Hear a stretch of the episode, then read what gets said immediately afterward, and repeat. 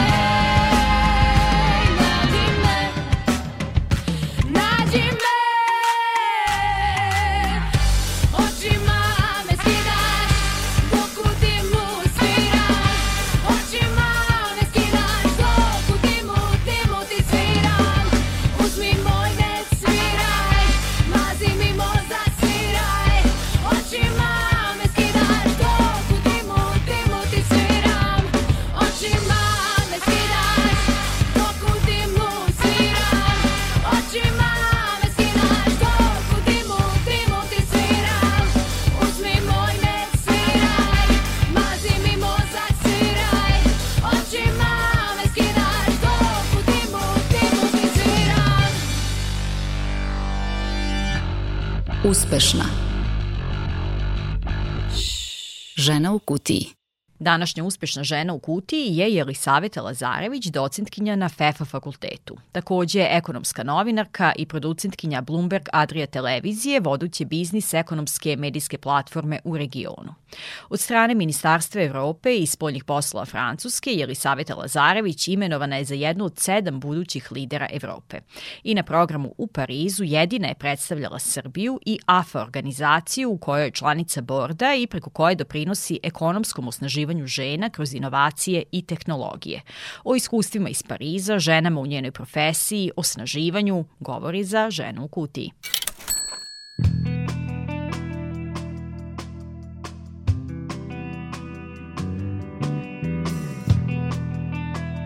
Jelisaveta, nedavno si stigla iz Pariza, dakle tamo si bila kao jedna od sedam budućih lidera, odnosno liderki Evrope. E, tema je bila konkretan rad na osnaživanju žena i šta je poseta sve podrazumevala? Poseta je podrazumevala niz zvaničnih poseta, ne samo sa predstavnicima države, e, već i sa predstavnicima NGO sektora, sa predstavnicima kompanija. Znači, pored mene tamo su bile zapravo i predstavnice drugih e, zemalja. Ono što je zaključak jeste da zaista nivo razvijenosti zemlje zemlje jeste povezan sa izazovima sa kojima se žene e, suočavaju. Naprimer, u Tadžikistanu, Azerbejdžanu, Uzbekistanu, e, nasilje u porodici, selektivni abortus e, jesu veliki izazovi sa kojima se, ja bih rekla, i celo društvo, a i posebno žene suočavaju. Sa druge strane, u zemljama u našem regionu nekako se vidi taj pozitivan uticaj, odnosno pozitivno nasledđe socijalizma na razvoj uloge žene u društvu, međutim čak smo i u odnosu na taj period mi degradirali kada pričamo o nekim oblastima, naročito kada pričamo na primjer o uključivanju žena u STEM oblasti, odnosno u nauku, tehnologiju, inženjerstvo i matematiku. A koji bi bili neki konkretni potezi kako bismo dobili više žena koje će kreirati javne politike, ekonomska kretanja, kretanje budućnosti? Dakle, šta su još glavni zaključci? Glavni zaključci su da je zaista ključno menjati stereotipe i to na način, to se postiže kroz pre svega obrazovanje društva. Zatim, važno je promovisati demokratsko društvo i demokratske principe jer su oni dobri za sve članove u jednom društvu, pa tako i za žene. Dodatno je jako važno razvijati socijalnu infrastrukturu koja, podrazu, koja podržava onda tako razvoj žene kroz karijeru i uh, u biznisu u kontekstu toga da uh, daje tu podršku um, i na neki način outsourcing svih onih aktivnosti koje su, na primer, žene ranije radile u tim konzervativno-korporativnim modelima razvoja društva koji podrazumevaju da su žene vodile računa o porodici, deci, starima i tako dalje, tako da je taj razvoj socijalne infrastrukture velika podrška. I na kraju ono što je ključno jeste edukacija edukacija samih muškaraca o feminizmu, jer mi samo zajedno praktično možemo da poboljšamo ulogu žena u društvu. Iako žene čine obrazovaniji deo populacije, to kažu najnoviji podaci Poreske uprave Srbije, e, zaradu veću od 200.000 dinara u Srbiji prima svega 3.128 žena, a čak 31.625 muškaraca. Dakle, rodni platni jaz je prisutan, takođe muškaraca ima više na mestima odlučivanja. Šta se desi na putu od fakulteta gde ima više žena do tih pozicija odlučivanja? Na koje prepreke nailazi žena zbog kojih odustaje odustaje ili jednostavno ne dobija priliku? Jedan od osnovnih razloga zapravo leži u nedostatku networkinga, odnosno nedostatku mreže kontakata. Nekako ako se vratimo još u samo detinstvo, tu već imate neke um, razloge zbog kojih žene kasnije uh, možda imaju uh, manje razvijen network, ali ja ne bi tu razloge toliko tražila u tom ranom odrastanju, ali vi tada imate, na primjer, situaciju da se devojčice više igraju, na primjer, samostalno sa lutkama, dečaci uh, su onako u grupama, igraju zajedno futbal, košarku i tako dalje, pa nekako od samog starta razvijaju taj network. Um, e, dalje, kada nekako odrastemo i eto kao što ste vi spomenuli u pitanju, uh, imamo završen fakultet, uh, problem nastaje kod kuće. Zašto? Zato što žene i dalje obavljaju tri puta više neplaćenog posla nego muškarci. Um, to znači da one praktično imaju mnogo manje vremena upravo za taj networking. A networking je jedan od osnovnih načina za napredak u poslu i karijeri. Drugo, kada napredujete u poslu, važno je da imate i interno svoj network, svoje saveznike koji vam pomažu u tom napretku. Međutim, tu je još jedan izazov a, koji se odnosi na to da kako se više žene penju ka vrhu, tu sve ima manje a, žena koje bi praktično bili njihovi a, saveznici. Ne kažem da muškarci nisu, ali ono što u stvari a, hoću da kažem jeste da a, postoji i jedan nedostatak solidarnosti među ženama. Dakle, kako se žene penju ka vrhu, važno je da nekako iza sebe ostave taj utaban put koji će drugim ženama zapravo olakšati da dođu do tih istih pozicija i da nekako u tom celom putu postoji solidarnost. Spomenule smo već da si predstavljala našu zemlju, tačnije AFA organizaciju koja ekonomski osnažuje žene u nauci i tehnologiji. Šta si kao predstavnica iz Srbije mogla da izneseš? Kako se naša zemlja kotira po pitanju rodne ravnopravnosti u nauci u odnosu na druge evropske zemlje? Kada je u pitanju broj žena uh, i generalno učešće žena u nauci, tehnologiji, tehnologiji, inženjerstvu i matematici, upravo zbog onog nasleđa koje sam uh, pomenula na početku, mi se tu ne kotiramo nešto drastično drugačije od ostalih, odnosno od globalnog i evropskog proseka. Međutim, problem je što ni svetski ni evropski prosek nije dobar. Dakle, podaci pokazuju da oko, postoje oko 30 studentkinja STEM tema. Od svih te, tek poslova žene obavljaju oko dvadesetak a, tih poslova. E sad, zašto je to problematično? Ne zato što a, e, sad mi samo treba da imamo podjednak broj žena u STEM-u, to je problematično zbog toga što su to poslovi budućnosti. Dakle, svi mi danas a, živimo u svetu koji se jako brzo razvija, živimo u svetu koji a, se jako transformiše na bazi novih i najnaprednijih tehnologija. I sve će to zahtevati da mi praktično menjamo naša znanja, veštine koje imamo. To naravno te promene će se odnositi i na muškarce i na žene, ali opet e, zbog e, onog što sam prethodno navela, to je da mi obavljamo tri puta više poslova kod kuće, imamo manje slobodnog vremena, praktično um, dodatni izazov je što ćemo mi imati manje vremena za usvajanje tih novih znanja i veština. Zato je važno da od najranijeg razvoja devojčice i devojke usvajaju uh, te STEM veštine i STEM znanja kako bi praktično u budućnosti mogle da rade uh, te najplatnije najplaćenije e, poslove i najproduktivnije poslove e, rad na najplaćenijim i najproduktivnijim poslovima je dobar, e, zato što vam omogućava da praktično budete deo budućnosti i da aktivno učestvujete u kreiranju te budućnosti. Ono što sad jeste situacija, jeste da budućnost tu tehnološku i digitalnu u kojoj ćemo svi da živimo praktično uh, kreiraju uglavnom muškarci i onda tu zaista postoji izazov da ta budućnost neće biti skrojena po potrebama svih nas. A da li je dovoljno da imamo ženu na čelu države, organizacije, kompanije ili nam je neophodno da imamo rodno senzitivne žene, odnosno feminiskinje, ali i muškarce feministe kako bismo konačno popravili položaj žena u društvu? Pitanje rodne ravnopravnosti po mom mišljenju nije uh, samo isključivo žensko pitanje, to je pitanje uh, celog društva. To se pitanje tiče i muškaraca i žena. To e, se zapravo vidi i u, najspeš, i u primerima najuspešnijih kompanija i država. Vama su najrazvijenije zemlje one u kojima su žene i muškarci podjednako uključeni u sve važne aspekte društvenog, ekonomskog i svakog drugog razvoja. To nije ništa čudno, to je zapravo vrlo logično i to možete da vidite kroz primere kompanija gde kada imate podjednak broj muškaraca i žena koji su uključeni naročito kada pričamo o nekom odlučenju odlučivanju. Te kompanije su obično profitabilnije, kreativnije i to je normalno zato što prosto mi svi imamo drugačije perspektive i onda na taj način a, možemo da doprinesemo kvalitetnije svi zajedno u rešavanju određenih izazova. U tom smislu muškarci su naši saveznici i muškarci zajedno sa nama treba da rade na svim ovim temama. Oni su takođe i rol modeli za dečake koji onda isto tako mogu da a, budu a, u budućnosti i džentlmeni i a, feministi,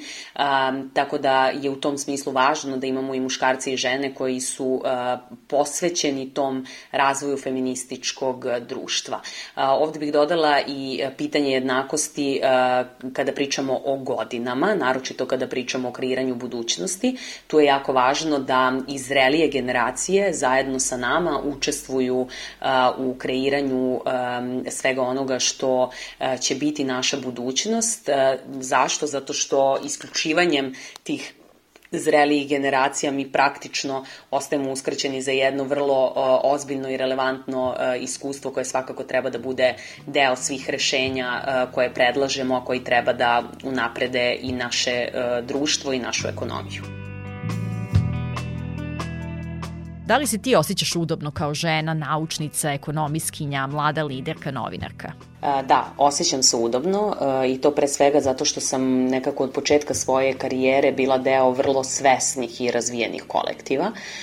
Kroz dosadašnju karijeru najviše mi je značio rad sa mojim mentorima, to su bili muškarci i žene i oni su mi zaista dali punu podršku i puno prilika koje su mi značile upravo za taj karijerni napredak, ali i za razvoj mene kao ličnosti.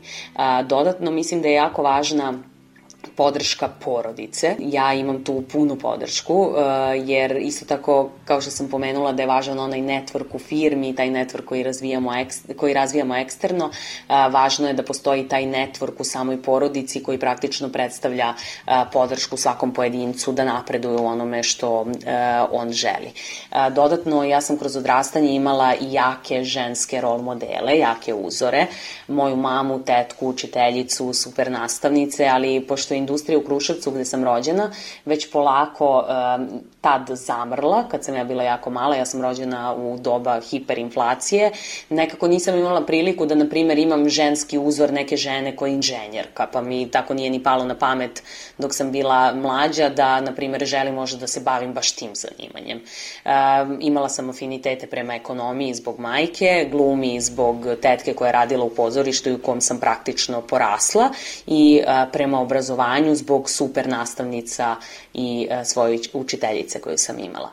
E, zašto ovo kažem? Pa upravo zbog budućih generacija. Mislim da je važno da iste imaju različite rol modela u svom odrastanju, naročito kada pričamo o zanimanjima budućnosti i to ne samo da bi obezbedile e, egzistenciju kroz neki posao, nego zato što je važno da žene budu na pozicijama koje im omogućavaju da utiču na društvo, a to su pozicije e, od obrazovanja preko kompanija do države. Vrlo često u vestima, u svim medijima, uloga eksperata za te takozvane globalne teme, visoku politiku, pripada muškarcima. Mnogo je veći broj eksperata kojima dajemo reč o ekonomskim temama, na primer, u odnosu na ekspertkinje. Da li je tačno da žena nema dovoljno ili smo mi svi dalje u zamci društvenih stereotipa da nekako više verujemo muškarcu u odelu? Pa mislim da kad žena dođe do te vodeće pozicije, njoj se takođe veruje. Evo, na primer, na čelu Međunarodnog monetarnog fonda je žena, na čelu Europske centralne banke je takođe žena. To su izuzetno važne institucije kad pričamo o ekonomiji. E sad, kao što rekao, kad žena dođe do te pozicije, njoj se veruje. Problem je što ih ne stigne puno do tih pozicija. I uh, tu su, uh, zapravo za to su uh, ključni krivci stereotipi koji postoje u društvu. Vi često imate situaciju da vam, ne znam, i u porodici i, na primer, nastavnici isto nekako prave tu razliku između ženskih i muških zanimanja. Zašto je okej okay, da budeš programer, a da ne budeš programerka? Naprimer, isto ljudi misle da su programeri uglavnom muškarci, a malo se zna o tome da su prve programerke zapravo bile žene. Da reč baguje kad nam nešto ne radi na kompu, koju svi često upotrebljavamo, bez obzira na to koje generaciji pripadamo, tu reč je smislila žena. Tako da, nekako svakako e, važno je raditi na e, obrazovanju i edukaciji i na osvešćivanju tih nesvesnih stereotipa koji postoje e, u našem društvu i u našem odrastanju, kako bismo upravo imali što više žena koje imaju jednake šanse da dođu do tih vodećih pozicija. E kad jednom dođu, onda ja zaista mislim da se njima veruje upravo zato što su kompetentne i zato što su svojim znanjem i zalaganjem zaslužile da na tim istim pozicijama i budu. Ali je ključno da svi uh, u tom napredovanju do tih pozicija imamo jednake šanse. Hajde onda za kraj da razbijemo predrasudu i da čujemo tebe upravo kao ekspertkinju. Da čujemo neku mini analizu kakvu zimu možemo očekivati u Srbiji u kontekstu energetske krize, rasta rata kredita, životnih namirnica, dakle da nam pojasniš nama lajcima šta je sve dovelo do krize. U, to je tema o kojoj se trenutno mnogo priča i koja je vrlo u fokusu, ne samo u Srbiji, nego u celom svetu i naročito u Evropi. Sve je praktično počelo sa COVID krizom, odnosno situacijom kada smo imali ono što često danas čujemo, taj prekid u lancima snabdevanja. Kako bi e, se podržao privredni rast u, tom vre, u to vreme, svi se sećamo da smo, na primjer, i kod nas, i tako je bilo u drugim zemljama u svetu, imali smo pomoć od strane države. E, onda je počeo rat u Ukrajini i to je sa e, ovim prethodnim navedenim dovelo do rasta cena, odnosno do rasta inflacije. Zašto? Pa zato što štampanje novca znači da svi mi imamo više para i onda to omogućava da naša tražnja raste. Dodatno tokom covid smo bili dosta zatvoreni, pa smo povećali štednju koju smo onda krenuli da trošimo kada se život praktično vratio u normalu. Sve to uticalo je na rast cena. Dodatno, rat u Ukrajini je dodatno podstakao inflaciju. Rusija vam je jedan od najvećih proizvođača nafte i gasa na svetu, nafta i gas pokreću privredu.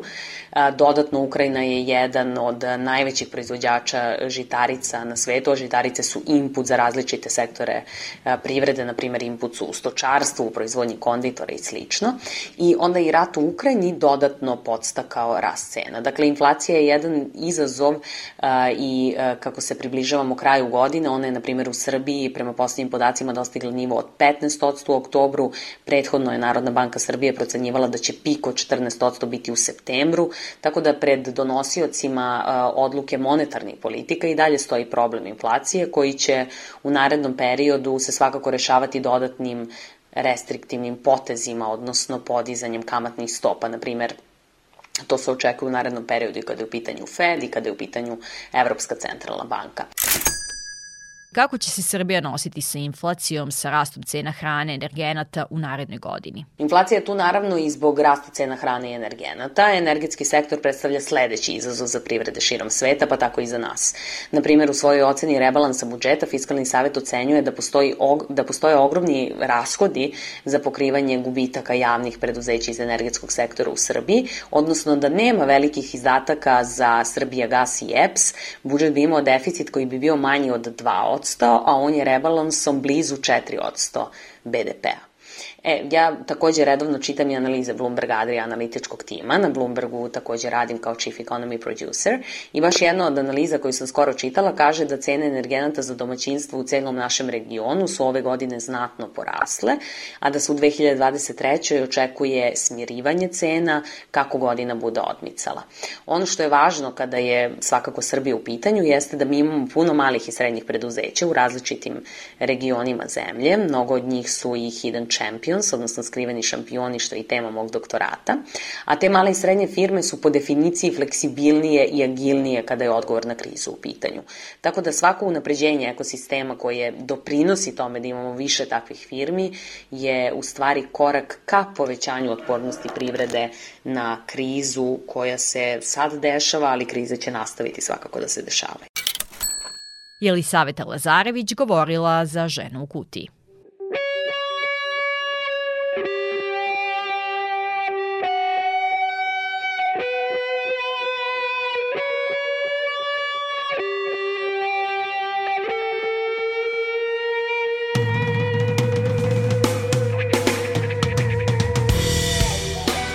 Sredinom prošlog meseca gitarski sastav Kanda Kođa i Nebojša objavio je svoj novi studijski album Beton.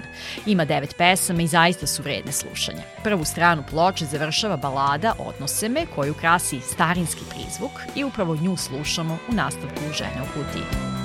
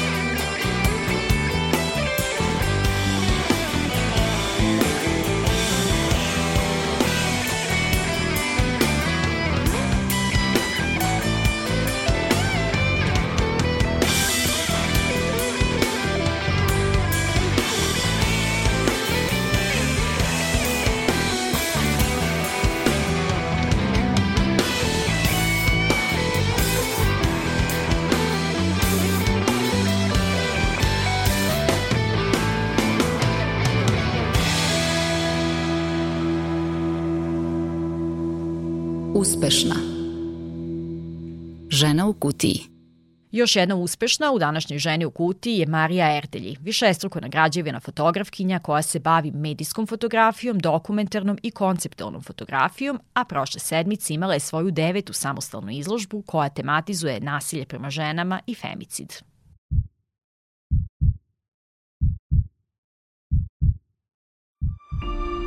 Normalizacija nasilja u društvu između ostalog se postiže i stalnim prikazom nasilja u medijima, neetičkim izveštavanjem o tom fenomenu. Ukoliko temu nasilja prema ženama ilustrujemo, na primer, fotografijom žene u modricama, postičemo samo novu traumu. Fotografije Marije Erdelji su upravo suprotnost. One vraćaju dostojanstvo ženama koliko je neetički put zapravo lakši put. Fotografkinja kaže da je mnogo teško pristupiti ovoj temi i emotivno i kreativno. Tako da da, ovaj put koji sam ja odabrala je mnogo teži. Proces je trajao godinu dana. Kao neko ko radi u medijima i ko je stvaraoc u isto vreme, bilo je teško doći do toga kako da se progovori kroz fotografiju na ovako veoma osetljivu, emotivnu i tešku temu, a da se sa stanovišta e, morala i etike predstavi na adekvatan način. Sam došla na ideju da prikažem kroz simboliku emotivno stanje osobe, to je žrtve koja je prošla nasilje i povređene delove ženskog tela, a da ne targetiram žrtve tako što bih fotografisala njihovu kuću, samo žrtvu bez njene saglasnosti, kao što smo do sad već navikli i konstantno svakodnevno viđamo u medijima taj pristup. A Marijin pristup je inteligentno i vrlo kreativno ilustrovanje teme rodno zasnovanog nasilja. To nisu klasične medijske fotografije, nego ilustracije društvenog problema bez mnogo suvišnih detalja sa mnogo simbolike. Tako, na primjer, na fotografiji vidimo samo pramen ženske kose ili vezane ruke, leptira i tako dalje. Fotografije koje ne traumatizuju, a pokreću emociju. Na primjer, ta fotografija koju si pomenula ima element e, pramen kose, namerno je postavljen u kompozicijski u obliku srca, jer predstavlja traumu i sam čin u tim partnerskim odnosima kada da li muškarac ženi ili nebitno može i žena ženi da uradi u tom fizičkom sukobu prvo što uradi eh, je čupanje pramena kose. Zatim fotografija, na primjer, na kojoj su ruke vezane kajišem, predstavlja kontrolu u fizičkom nasilju i simbol jeste taj kajiš koji nas asocira na moment kada, na primjer, roditelj svoje dete tuče zbog nečega i kažnjava ga istim tim kajišem. Da, to sam ja povezala sa fizičkim sukobom isto i kontrolom u partnerskim odnosima. Simbolika i priča koja stoji iza svake fotografije donose dostojanstven prikaz teme, fotografiju kao umetničko delo, medijsku etiku. Da li je ovom radu pristupila sa idejom manje je više i da li to može oslikati njen rad, objašnjava Marija Erdelji. Pa sve zavisi od toga kakva je tema na kojoj radim kao autor i koliko je ona kompleksna.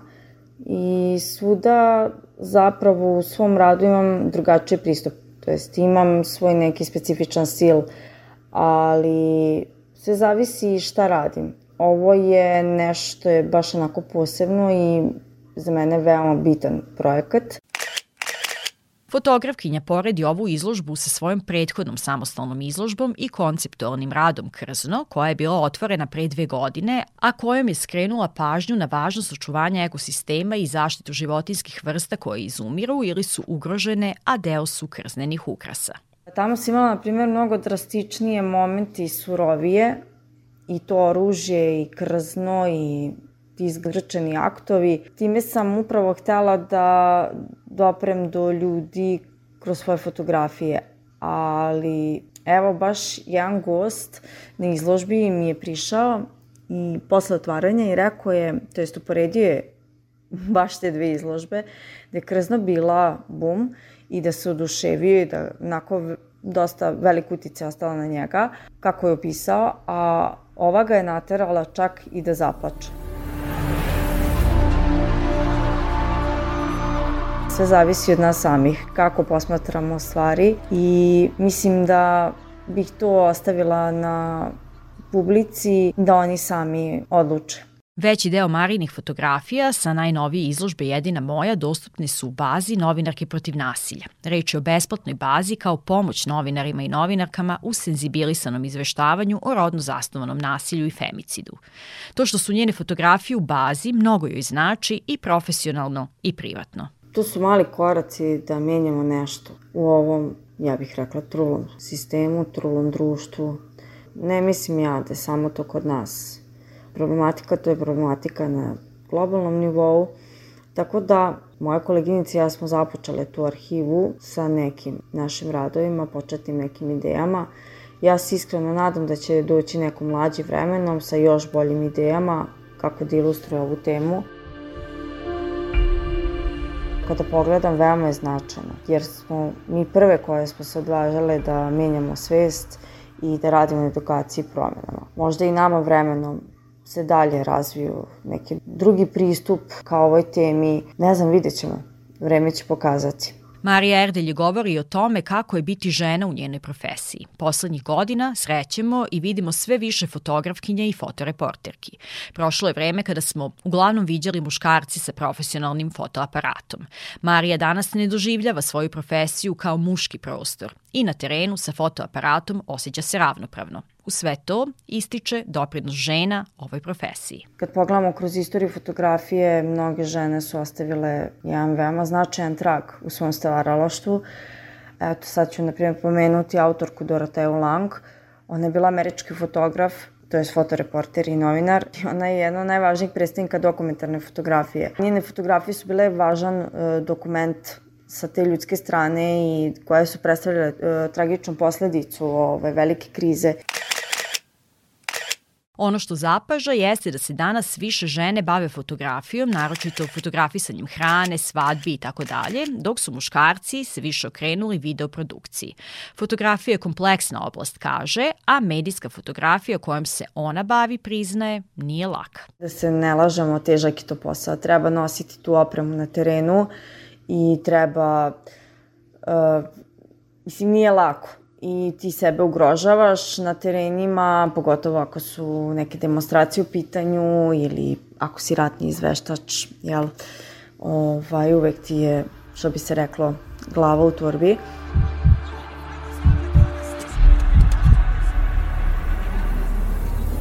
Zbog svega toga, malo ljudi i muškaraca i žena se bavi socijalnim temama u fotografiji, a na terenu među koleginicama i kolegama u medijskoj fotografiji nema predrasuda i dominantna je pre svega solidarnost tu se međusobno poštujemo i stvarno štitimo se na terenima i mislim da smo mi svi onako što bi se reklo ortaci. E sad, bilo je nekih situacija mizernih što se tiče te komercijalne fotografije, ali mislim da su to više nek, neka ljubomora i kompleks te druge strane što su bili upućeni neki komentari ka meni, ali mislim toga će uvijek biti, to ne možemo da izbegnemo. Ja se uvijek time vodila da gledam svoj život, svoje stvaralaštvo, svoj posao i da sebe gradim i da se puno ne obazirem na te stvari, ali mislim da bi me sve to onako pojelo živu, tako da ovaj, to savjetujem i drugima.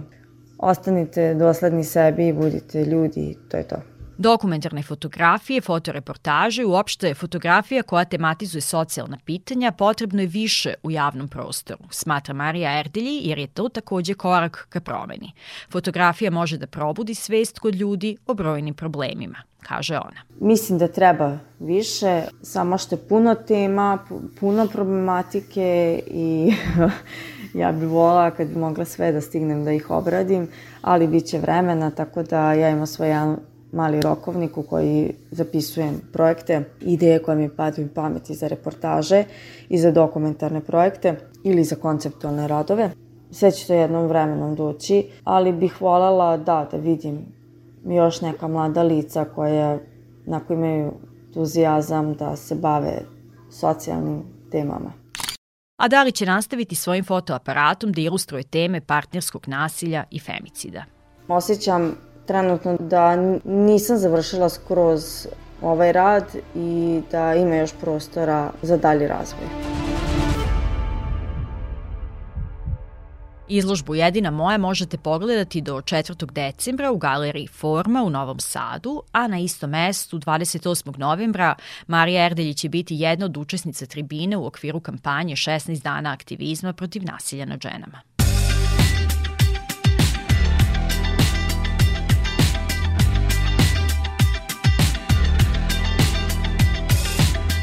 Zaustavi vreme samo na čas, odbaci probleme. To poručuje Artan Lili u njihovoj pesmi Priča koju slušamo u nastavku. Svaki dan Ćutimo, čekamo znak Mrkli mrak Zvezda milion Samo jedna je šampion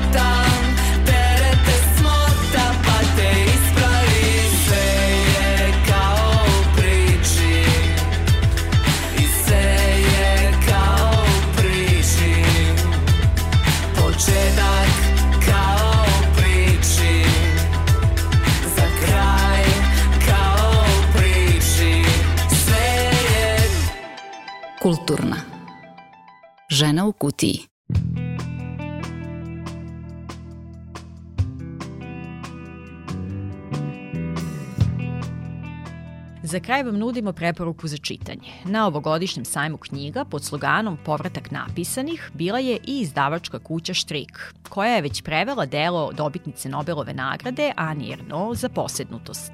U planu su još dva romana ove autorke. O delima Ani Erno, upoznavanju sa njenim stvaralaštvom pre dobijanja Nobelove nagrade, ali i o tome kako je došlo do same saradnje sa francuskim izdavačima, za ženu u kutiji govori Ljubica Pupezin, vlasnica i direktorka izdavačke kuće Štrik sa kojom je razgovarala Vesna Farkaš.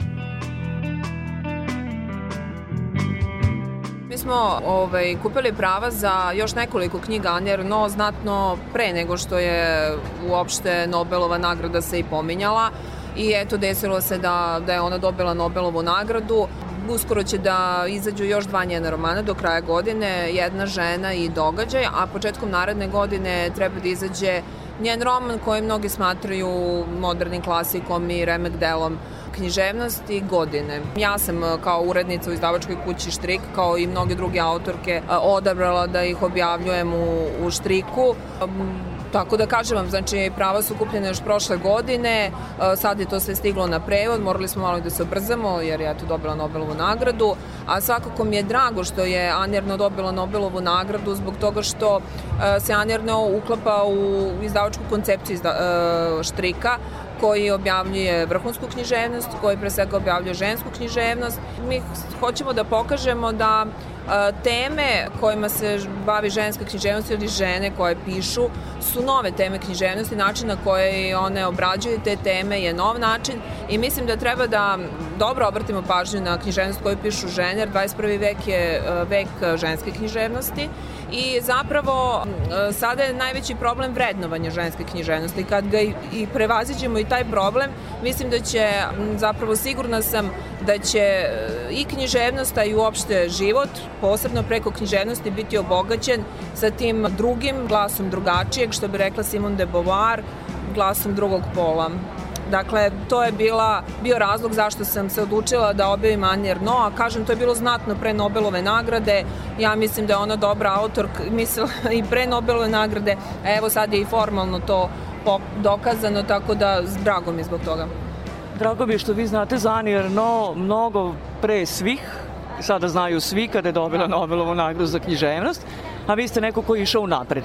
Je li to zbog tog ženskog pera i tog ženskog pisma? Zapravo, objavljene su tri knjige Anne Erno 90-ih. Ja nisam preko toga došla do Anje Erno, nego zapravo sam čitala njenu knjigu Jedna žena u hrvatskom prevodu i jako mi se dopalo i onda sam prosto krenula da istražujem na osnovu kritika i razgovora sa francuskim izdavačem Galimarom i smo se odlučili da, da, da prosto uzmemo knjige Anne Erno.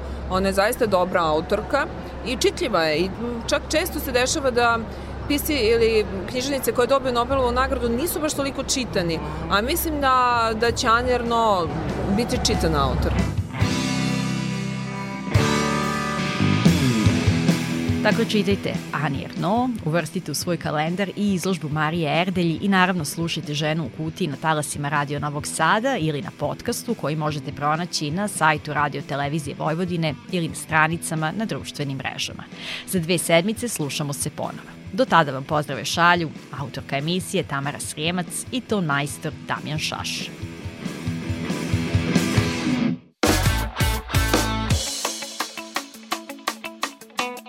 I muzički pozdrav za kraj. Još jedan novitet. Band Steel Ness je nakon 10 godina diskografske pauze objavio četvrti studijski album Kocka je okrugla.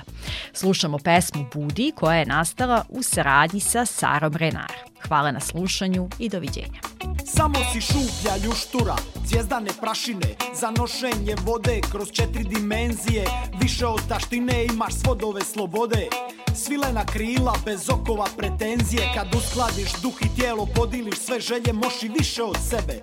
Šta samo radi, spava, jede. Sve šta zamisliš pa čak i puno više sve dok dišeš. Nasvi se, probudi se. I budi se šta jesi. Sve jedno je, jedno je sve Samo voli, nasmi se, voli, nasmi se Budi se. I budi sve šta je,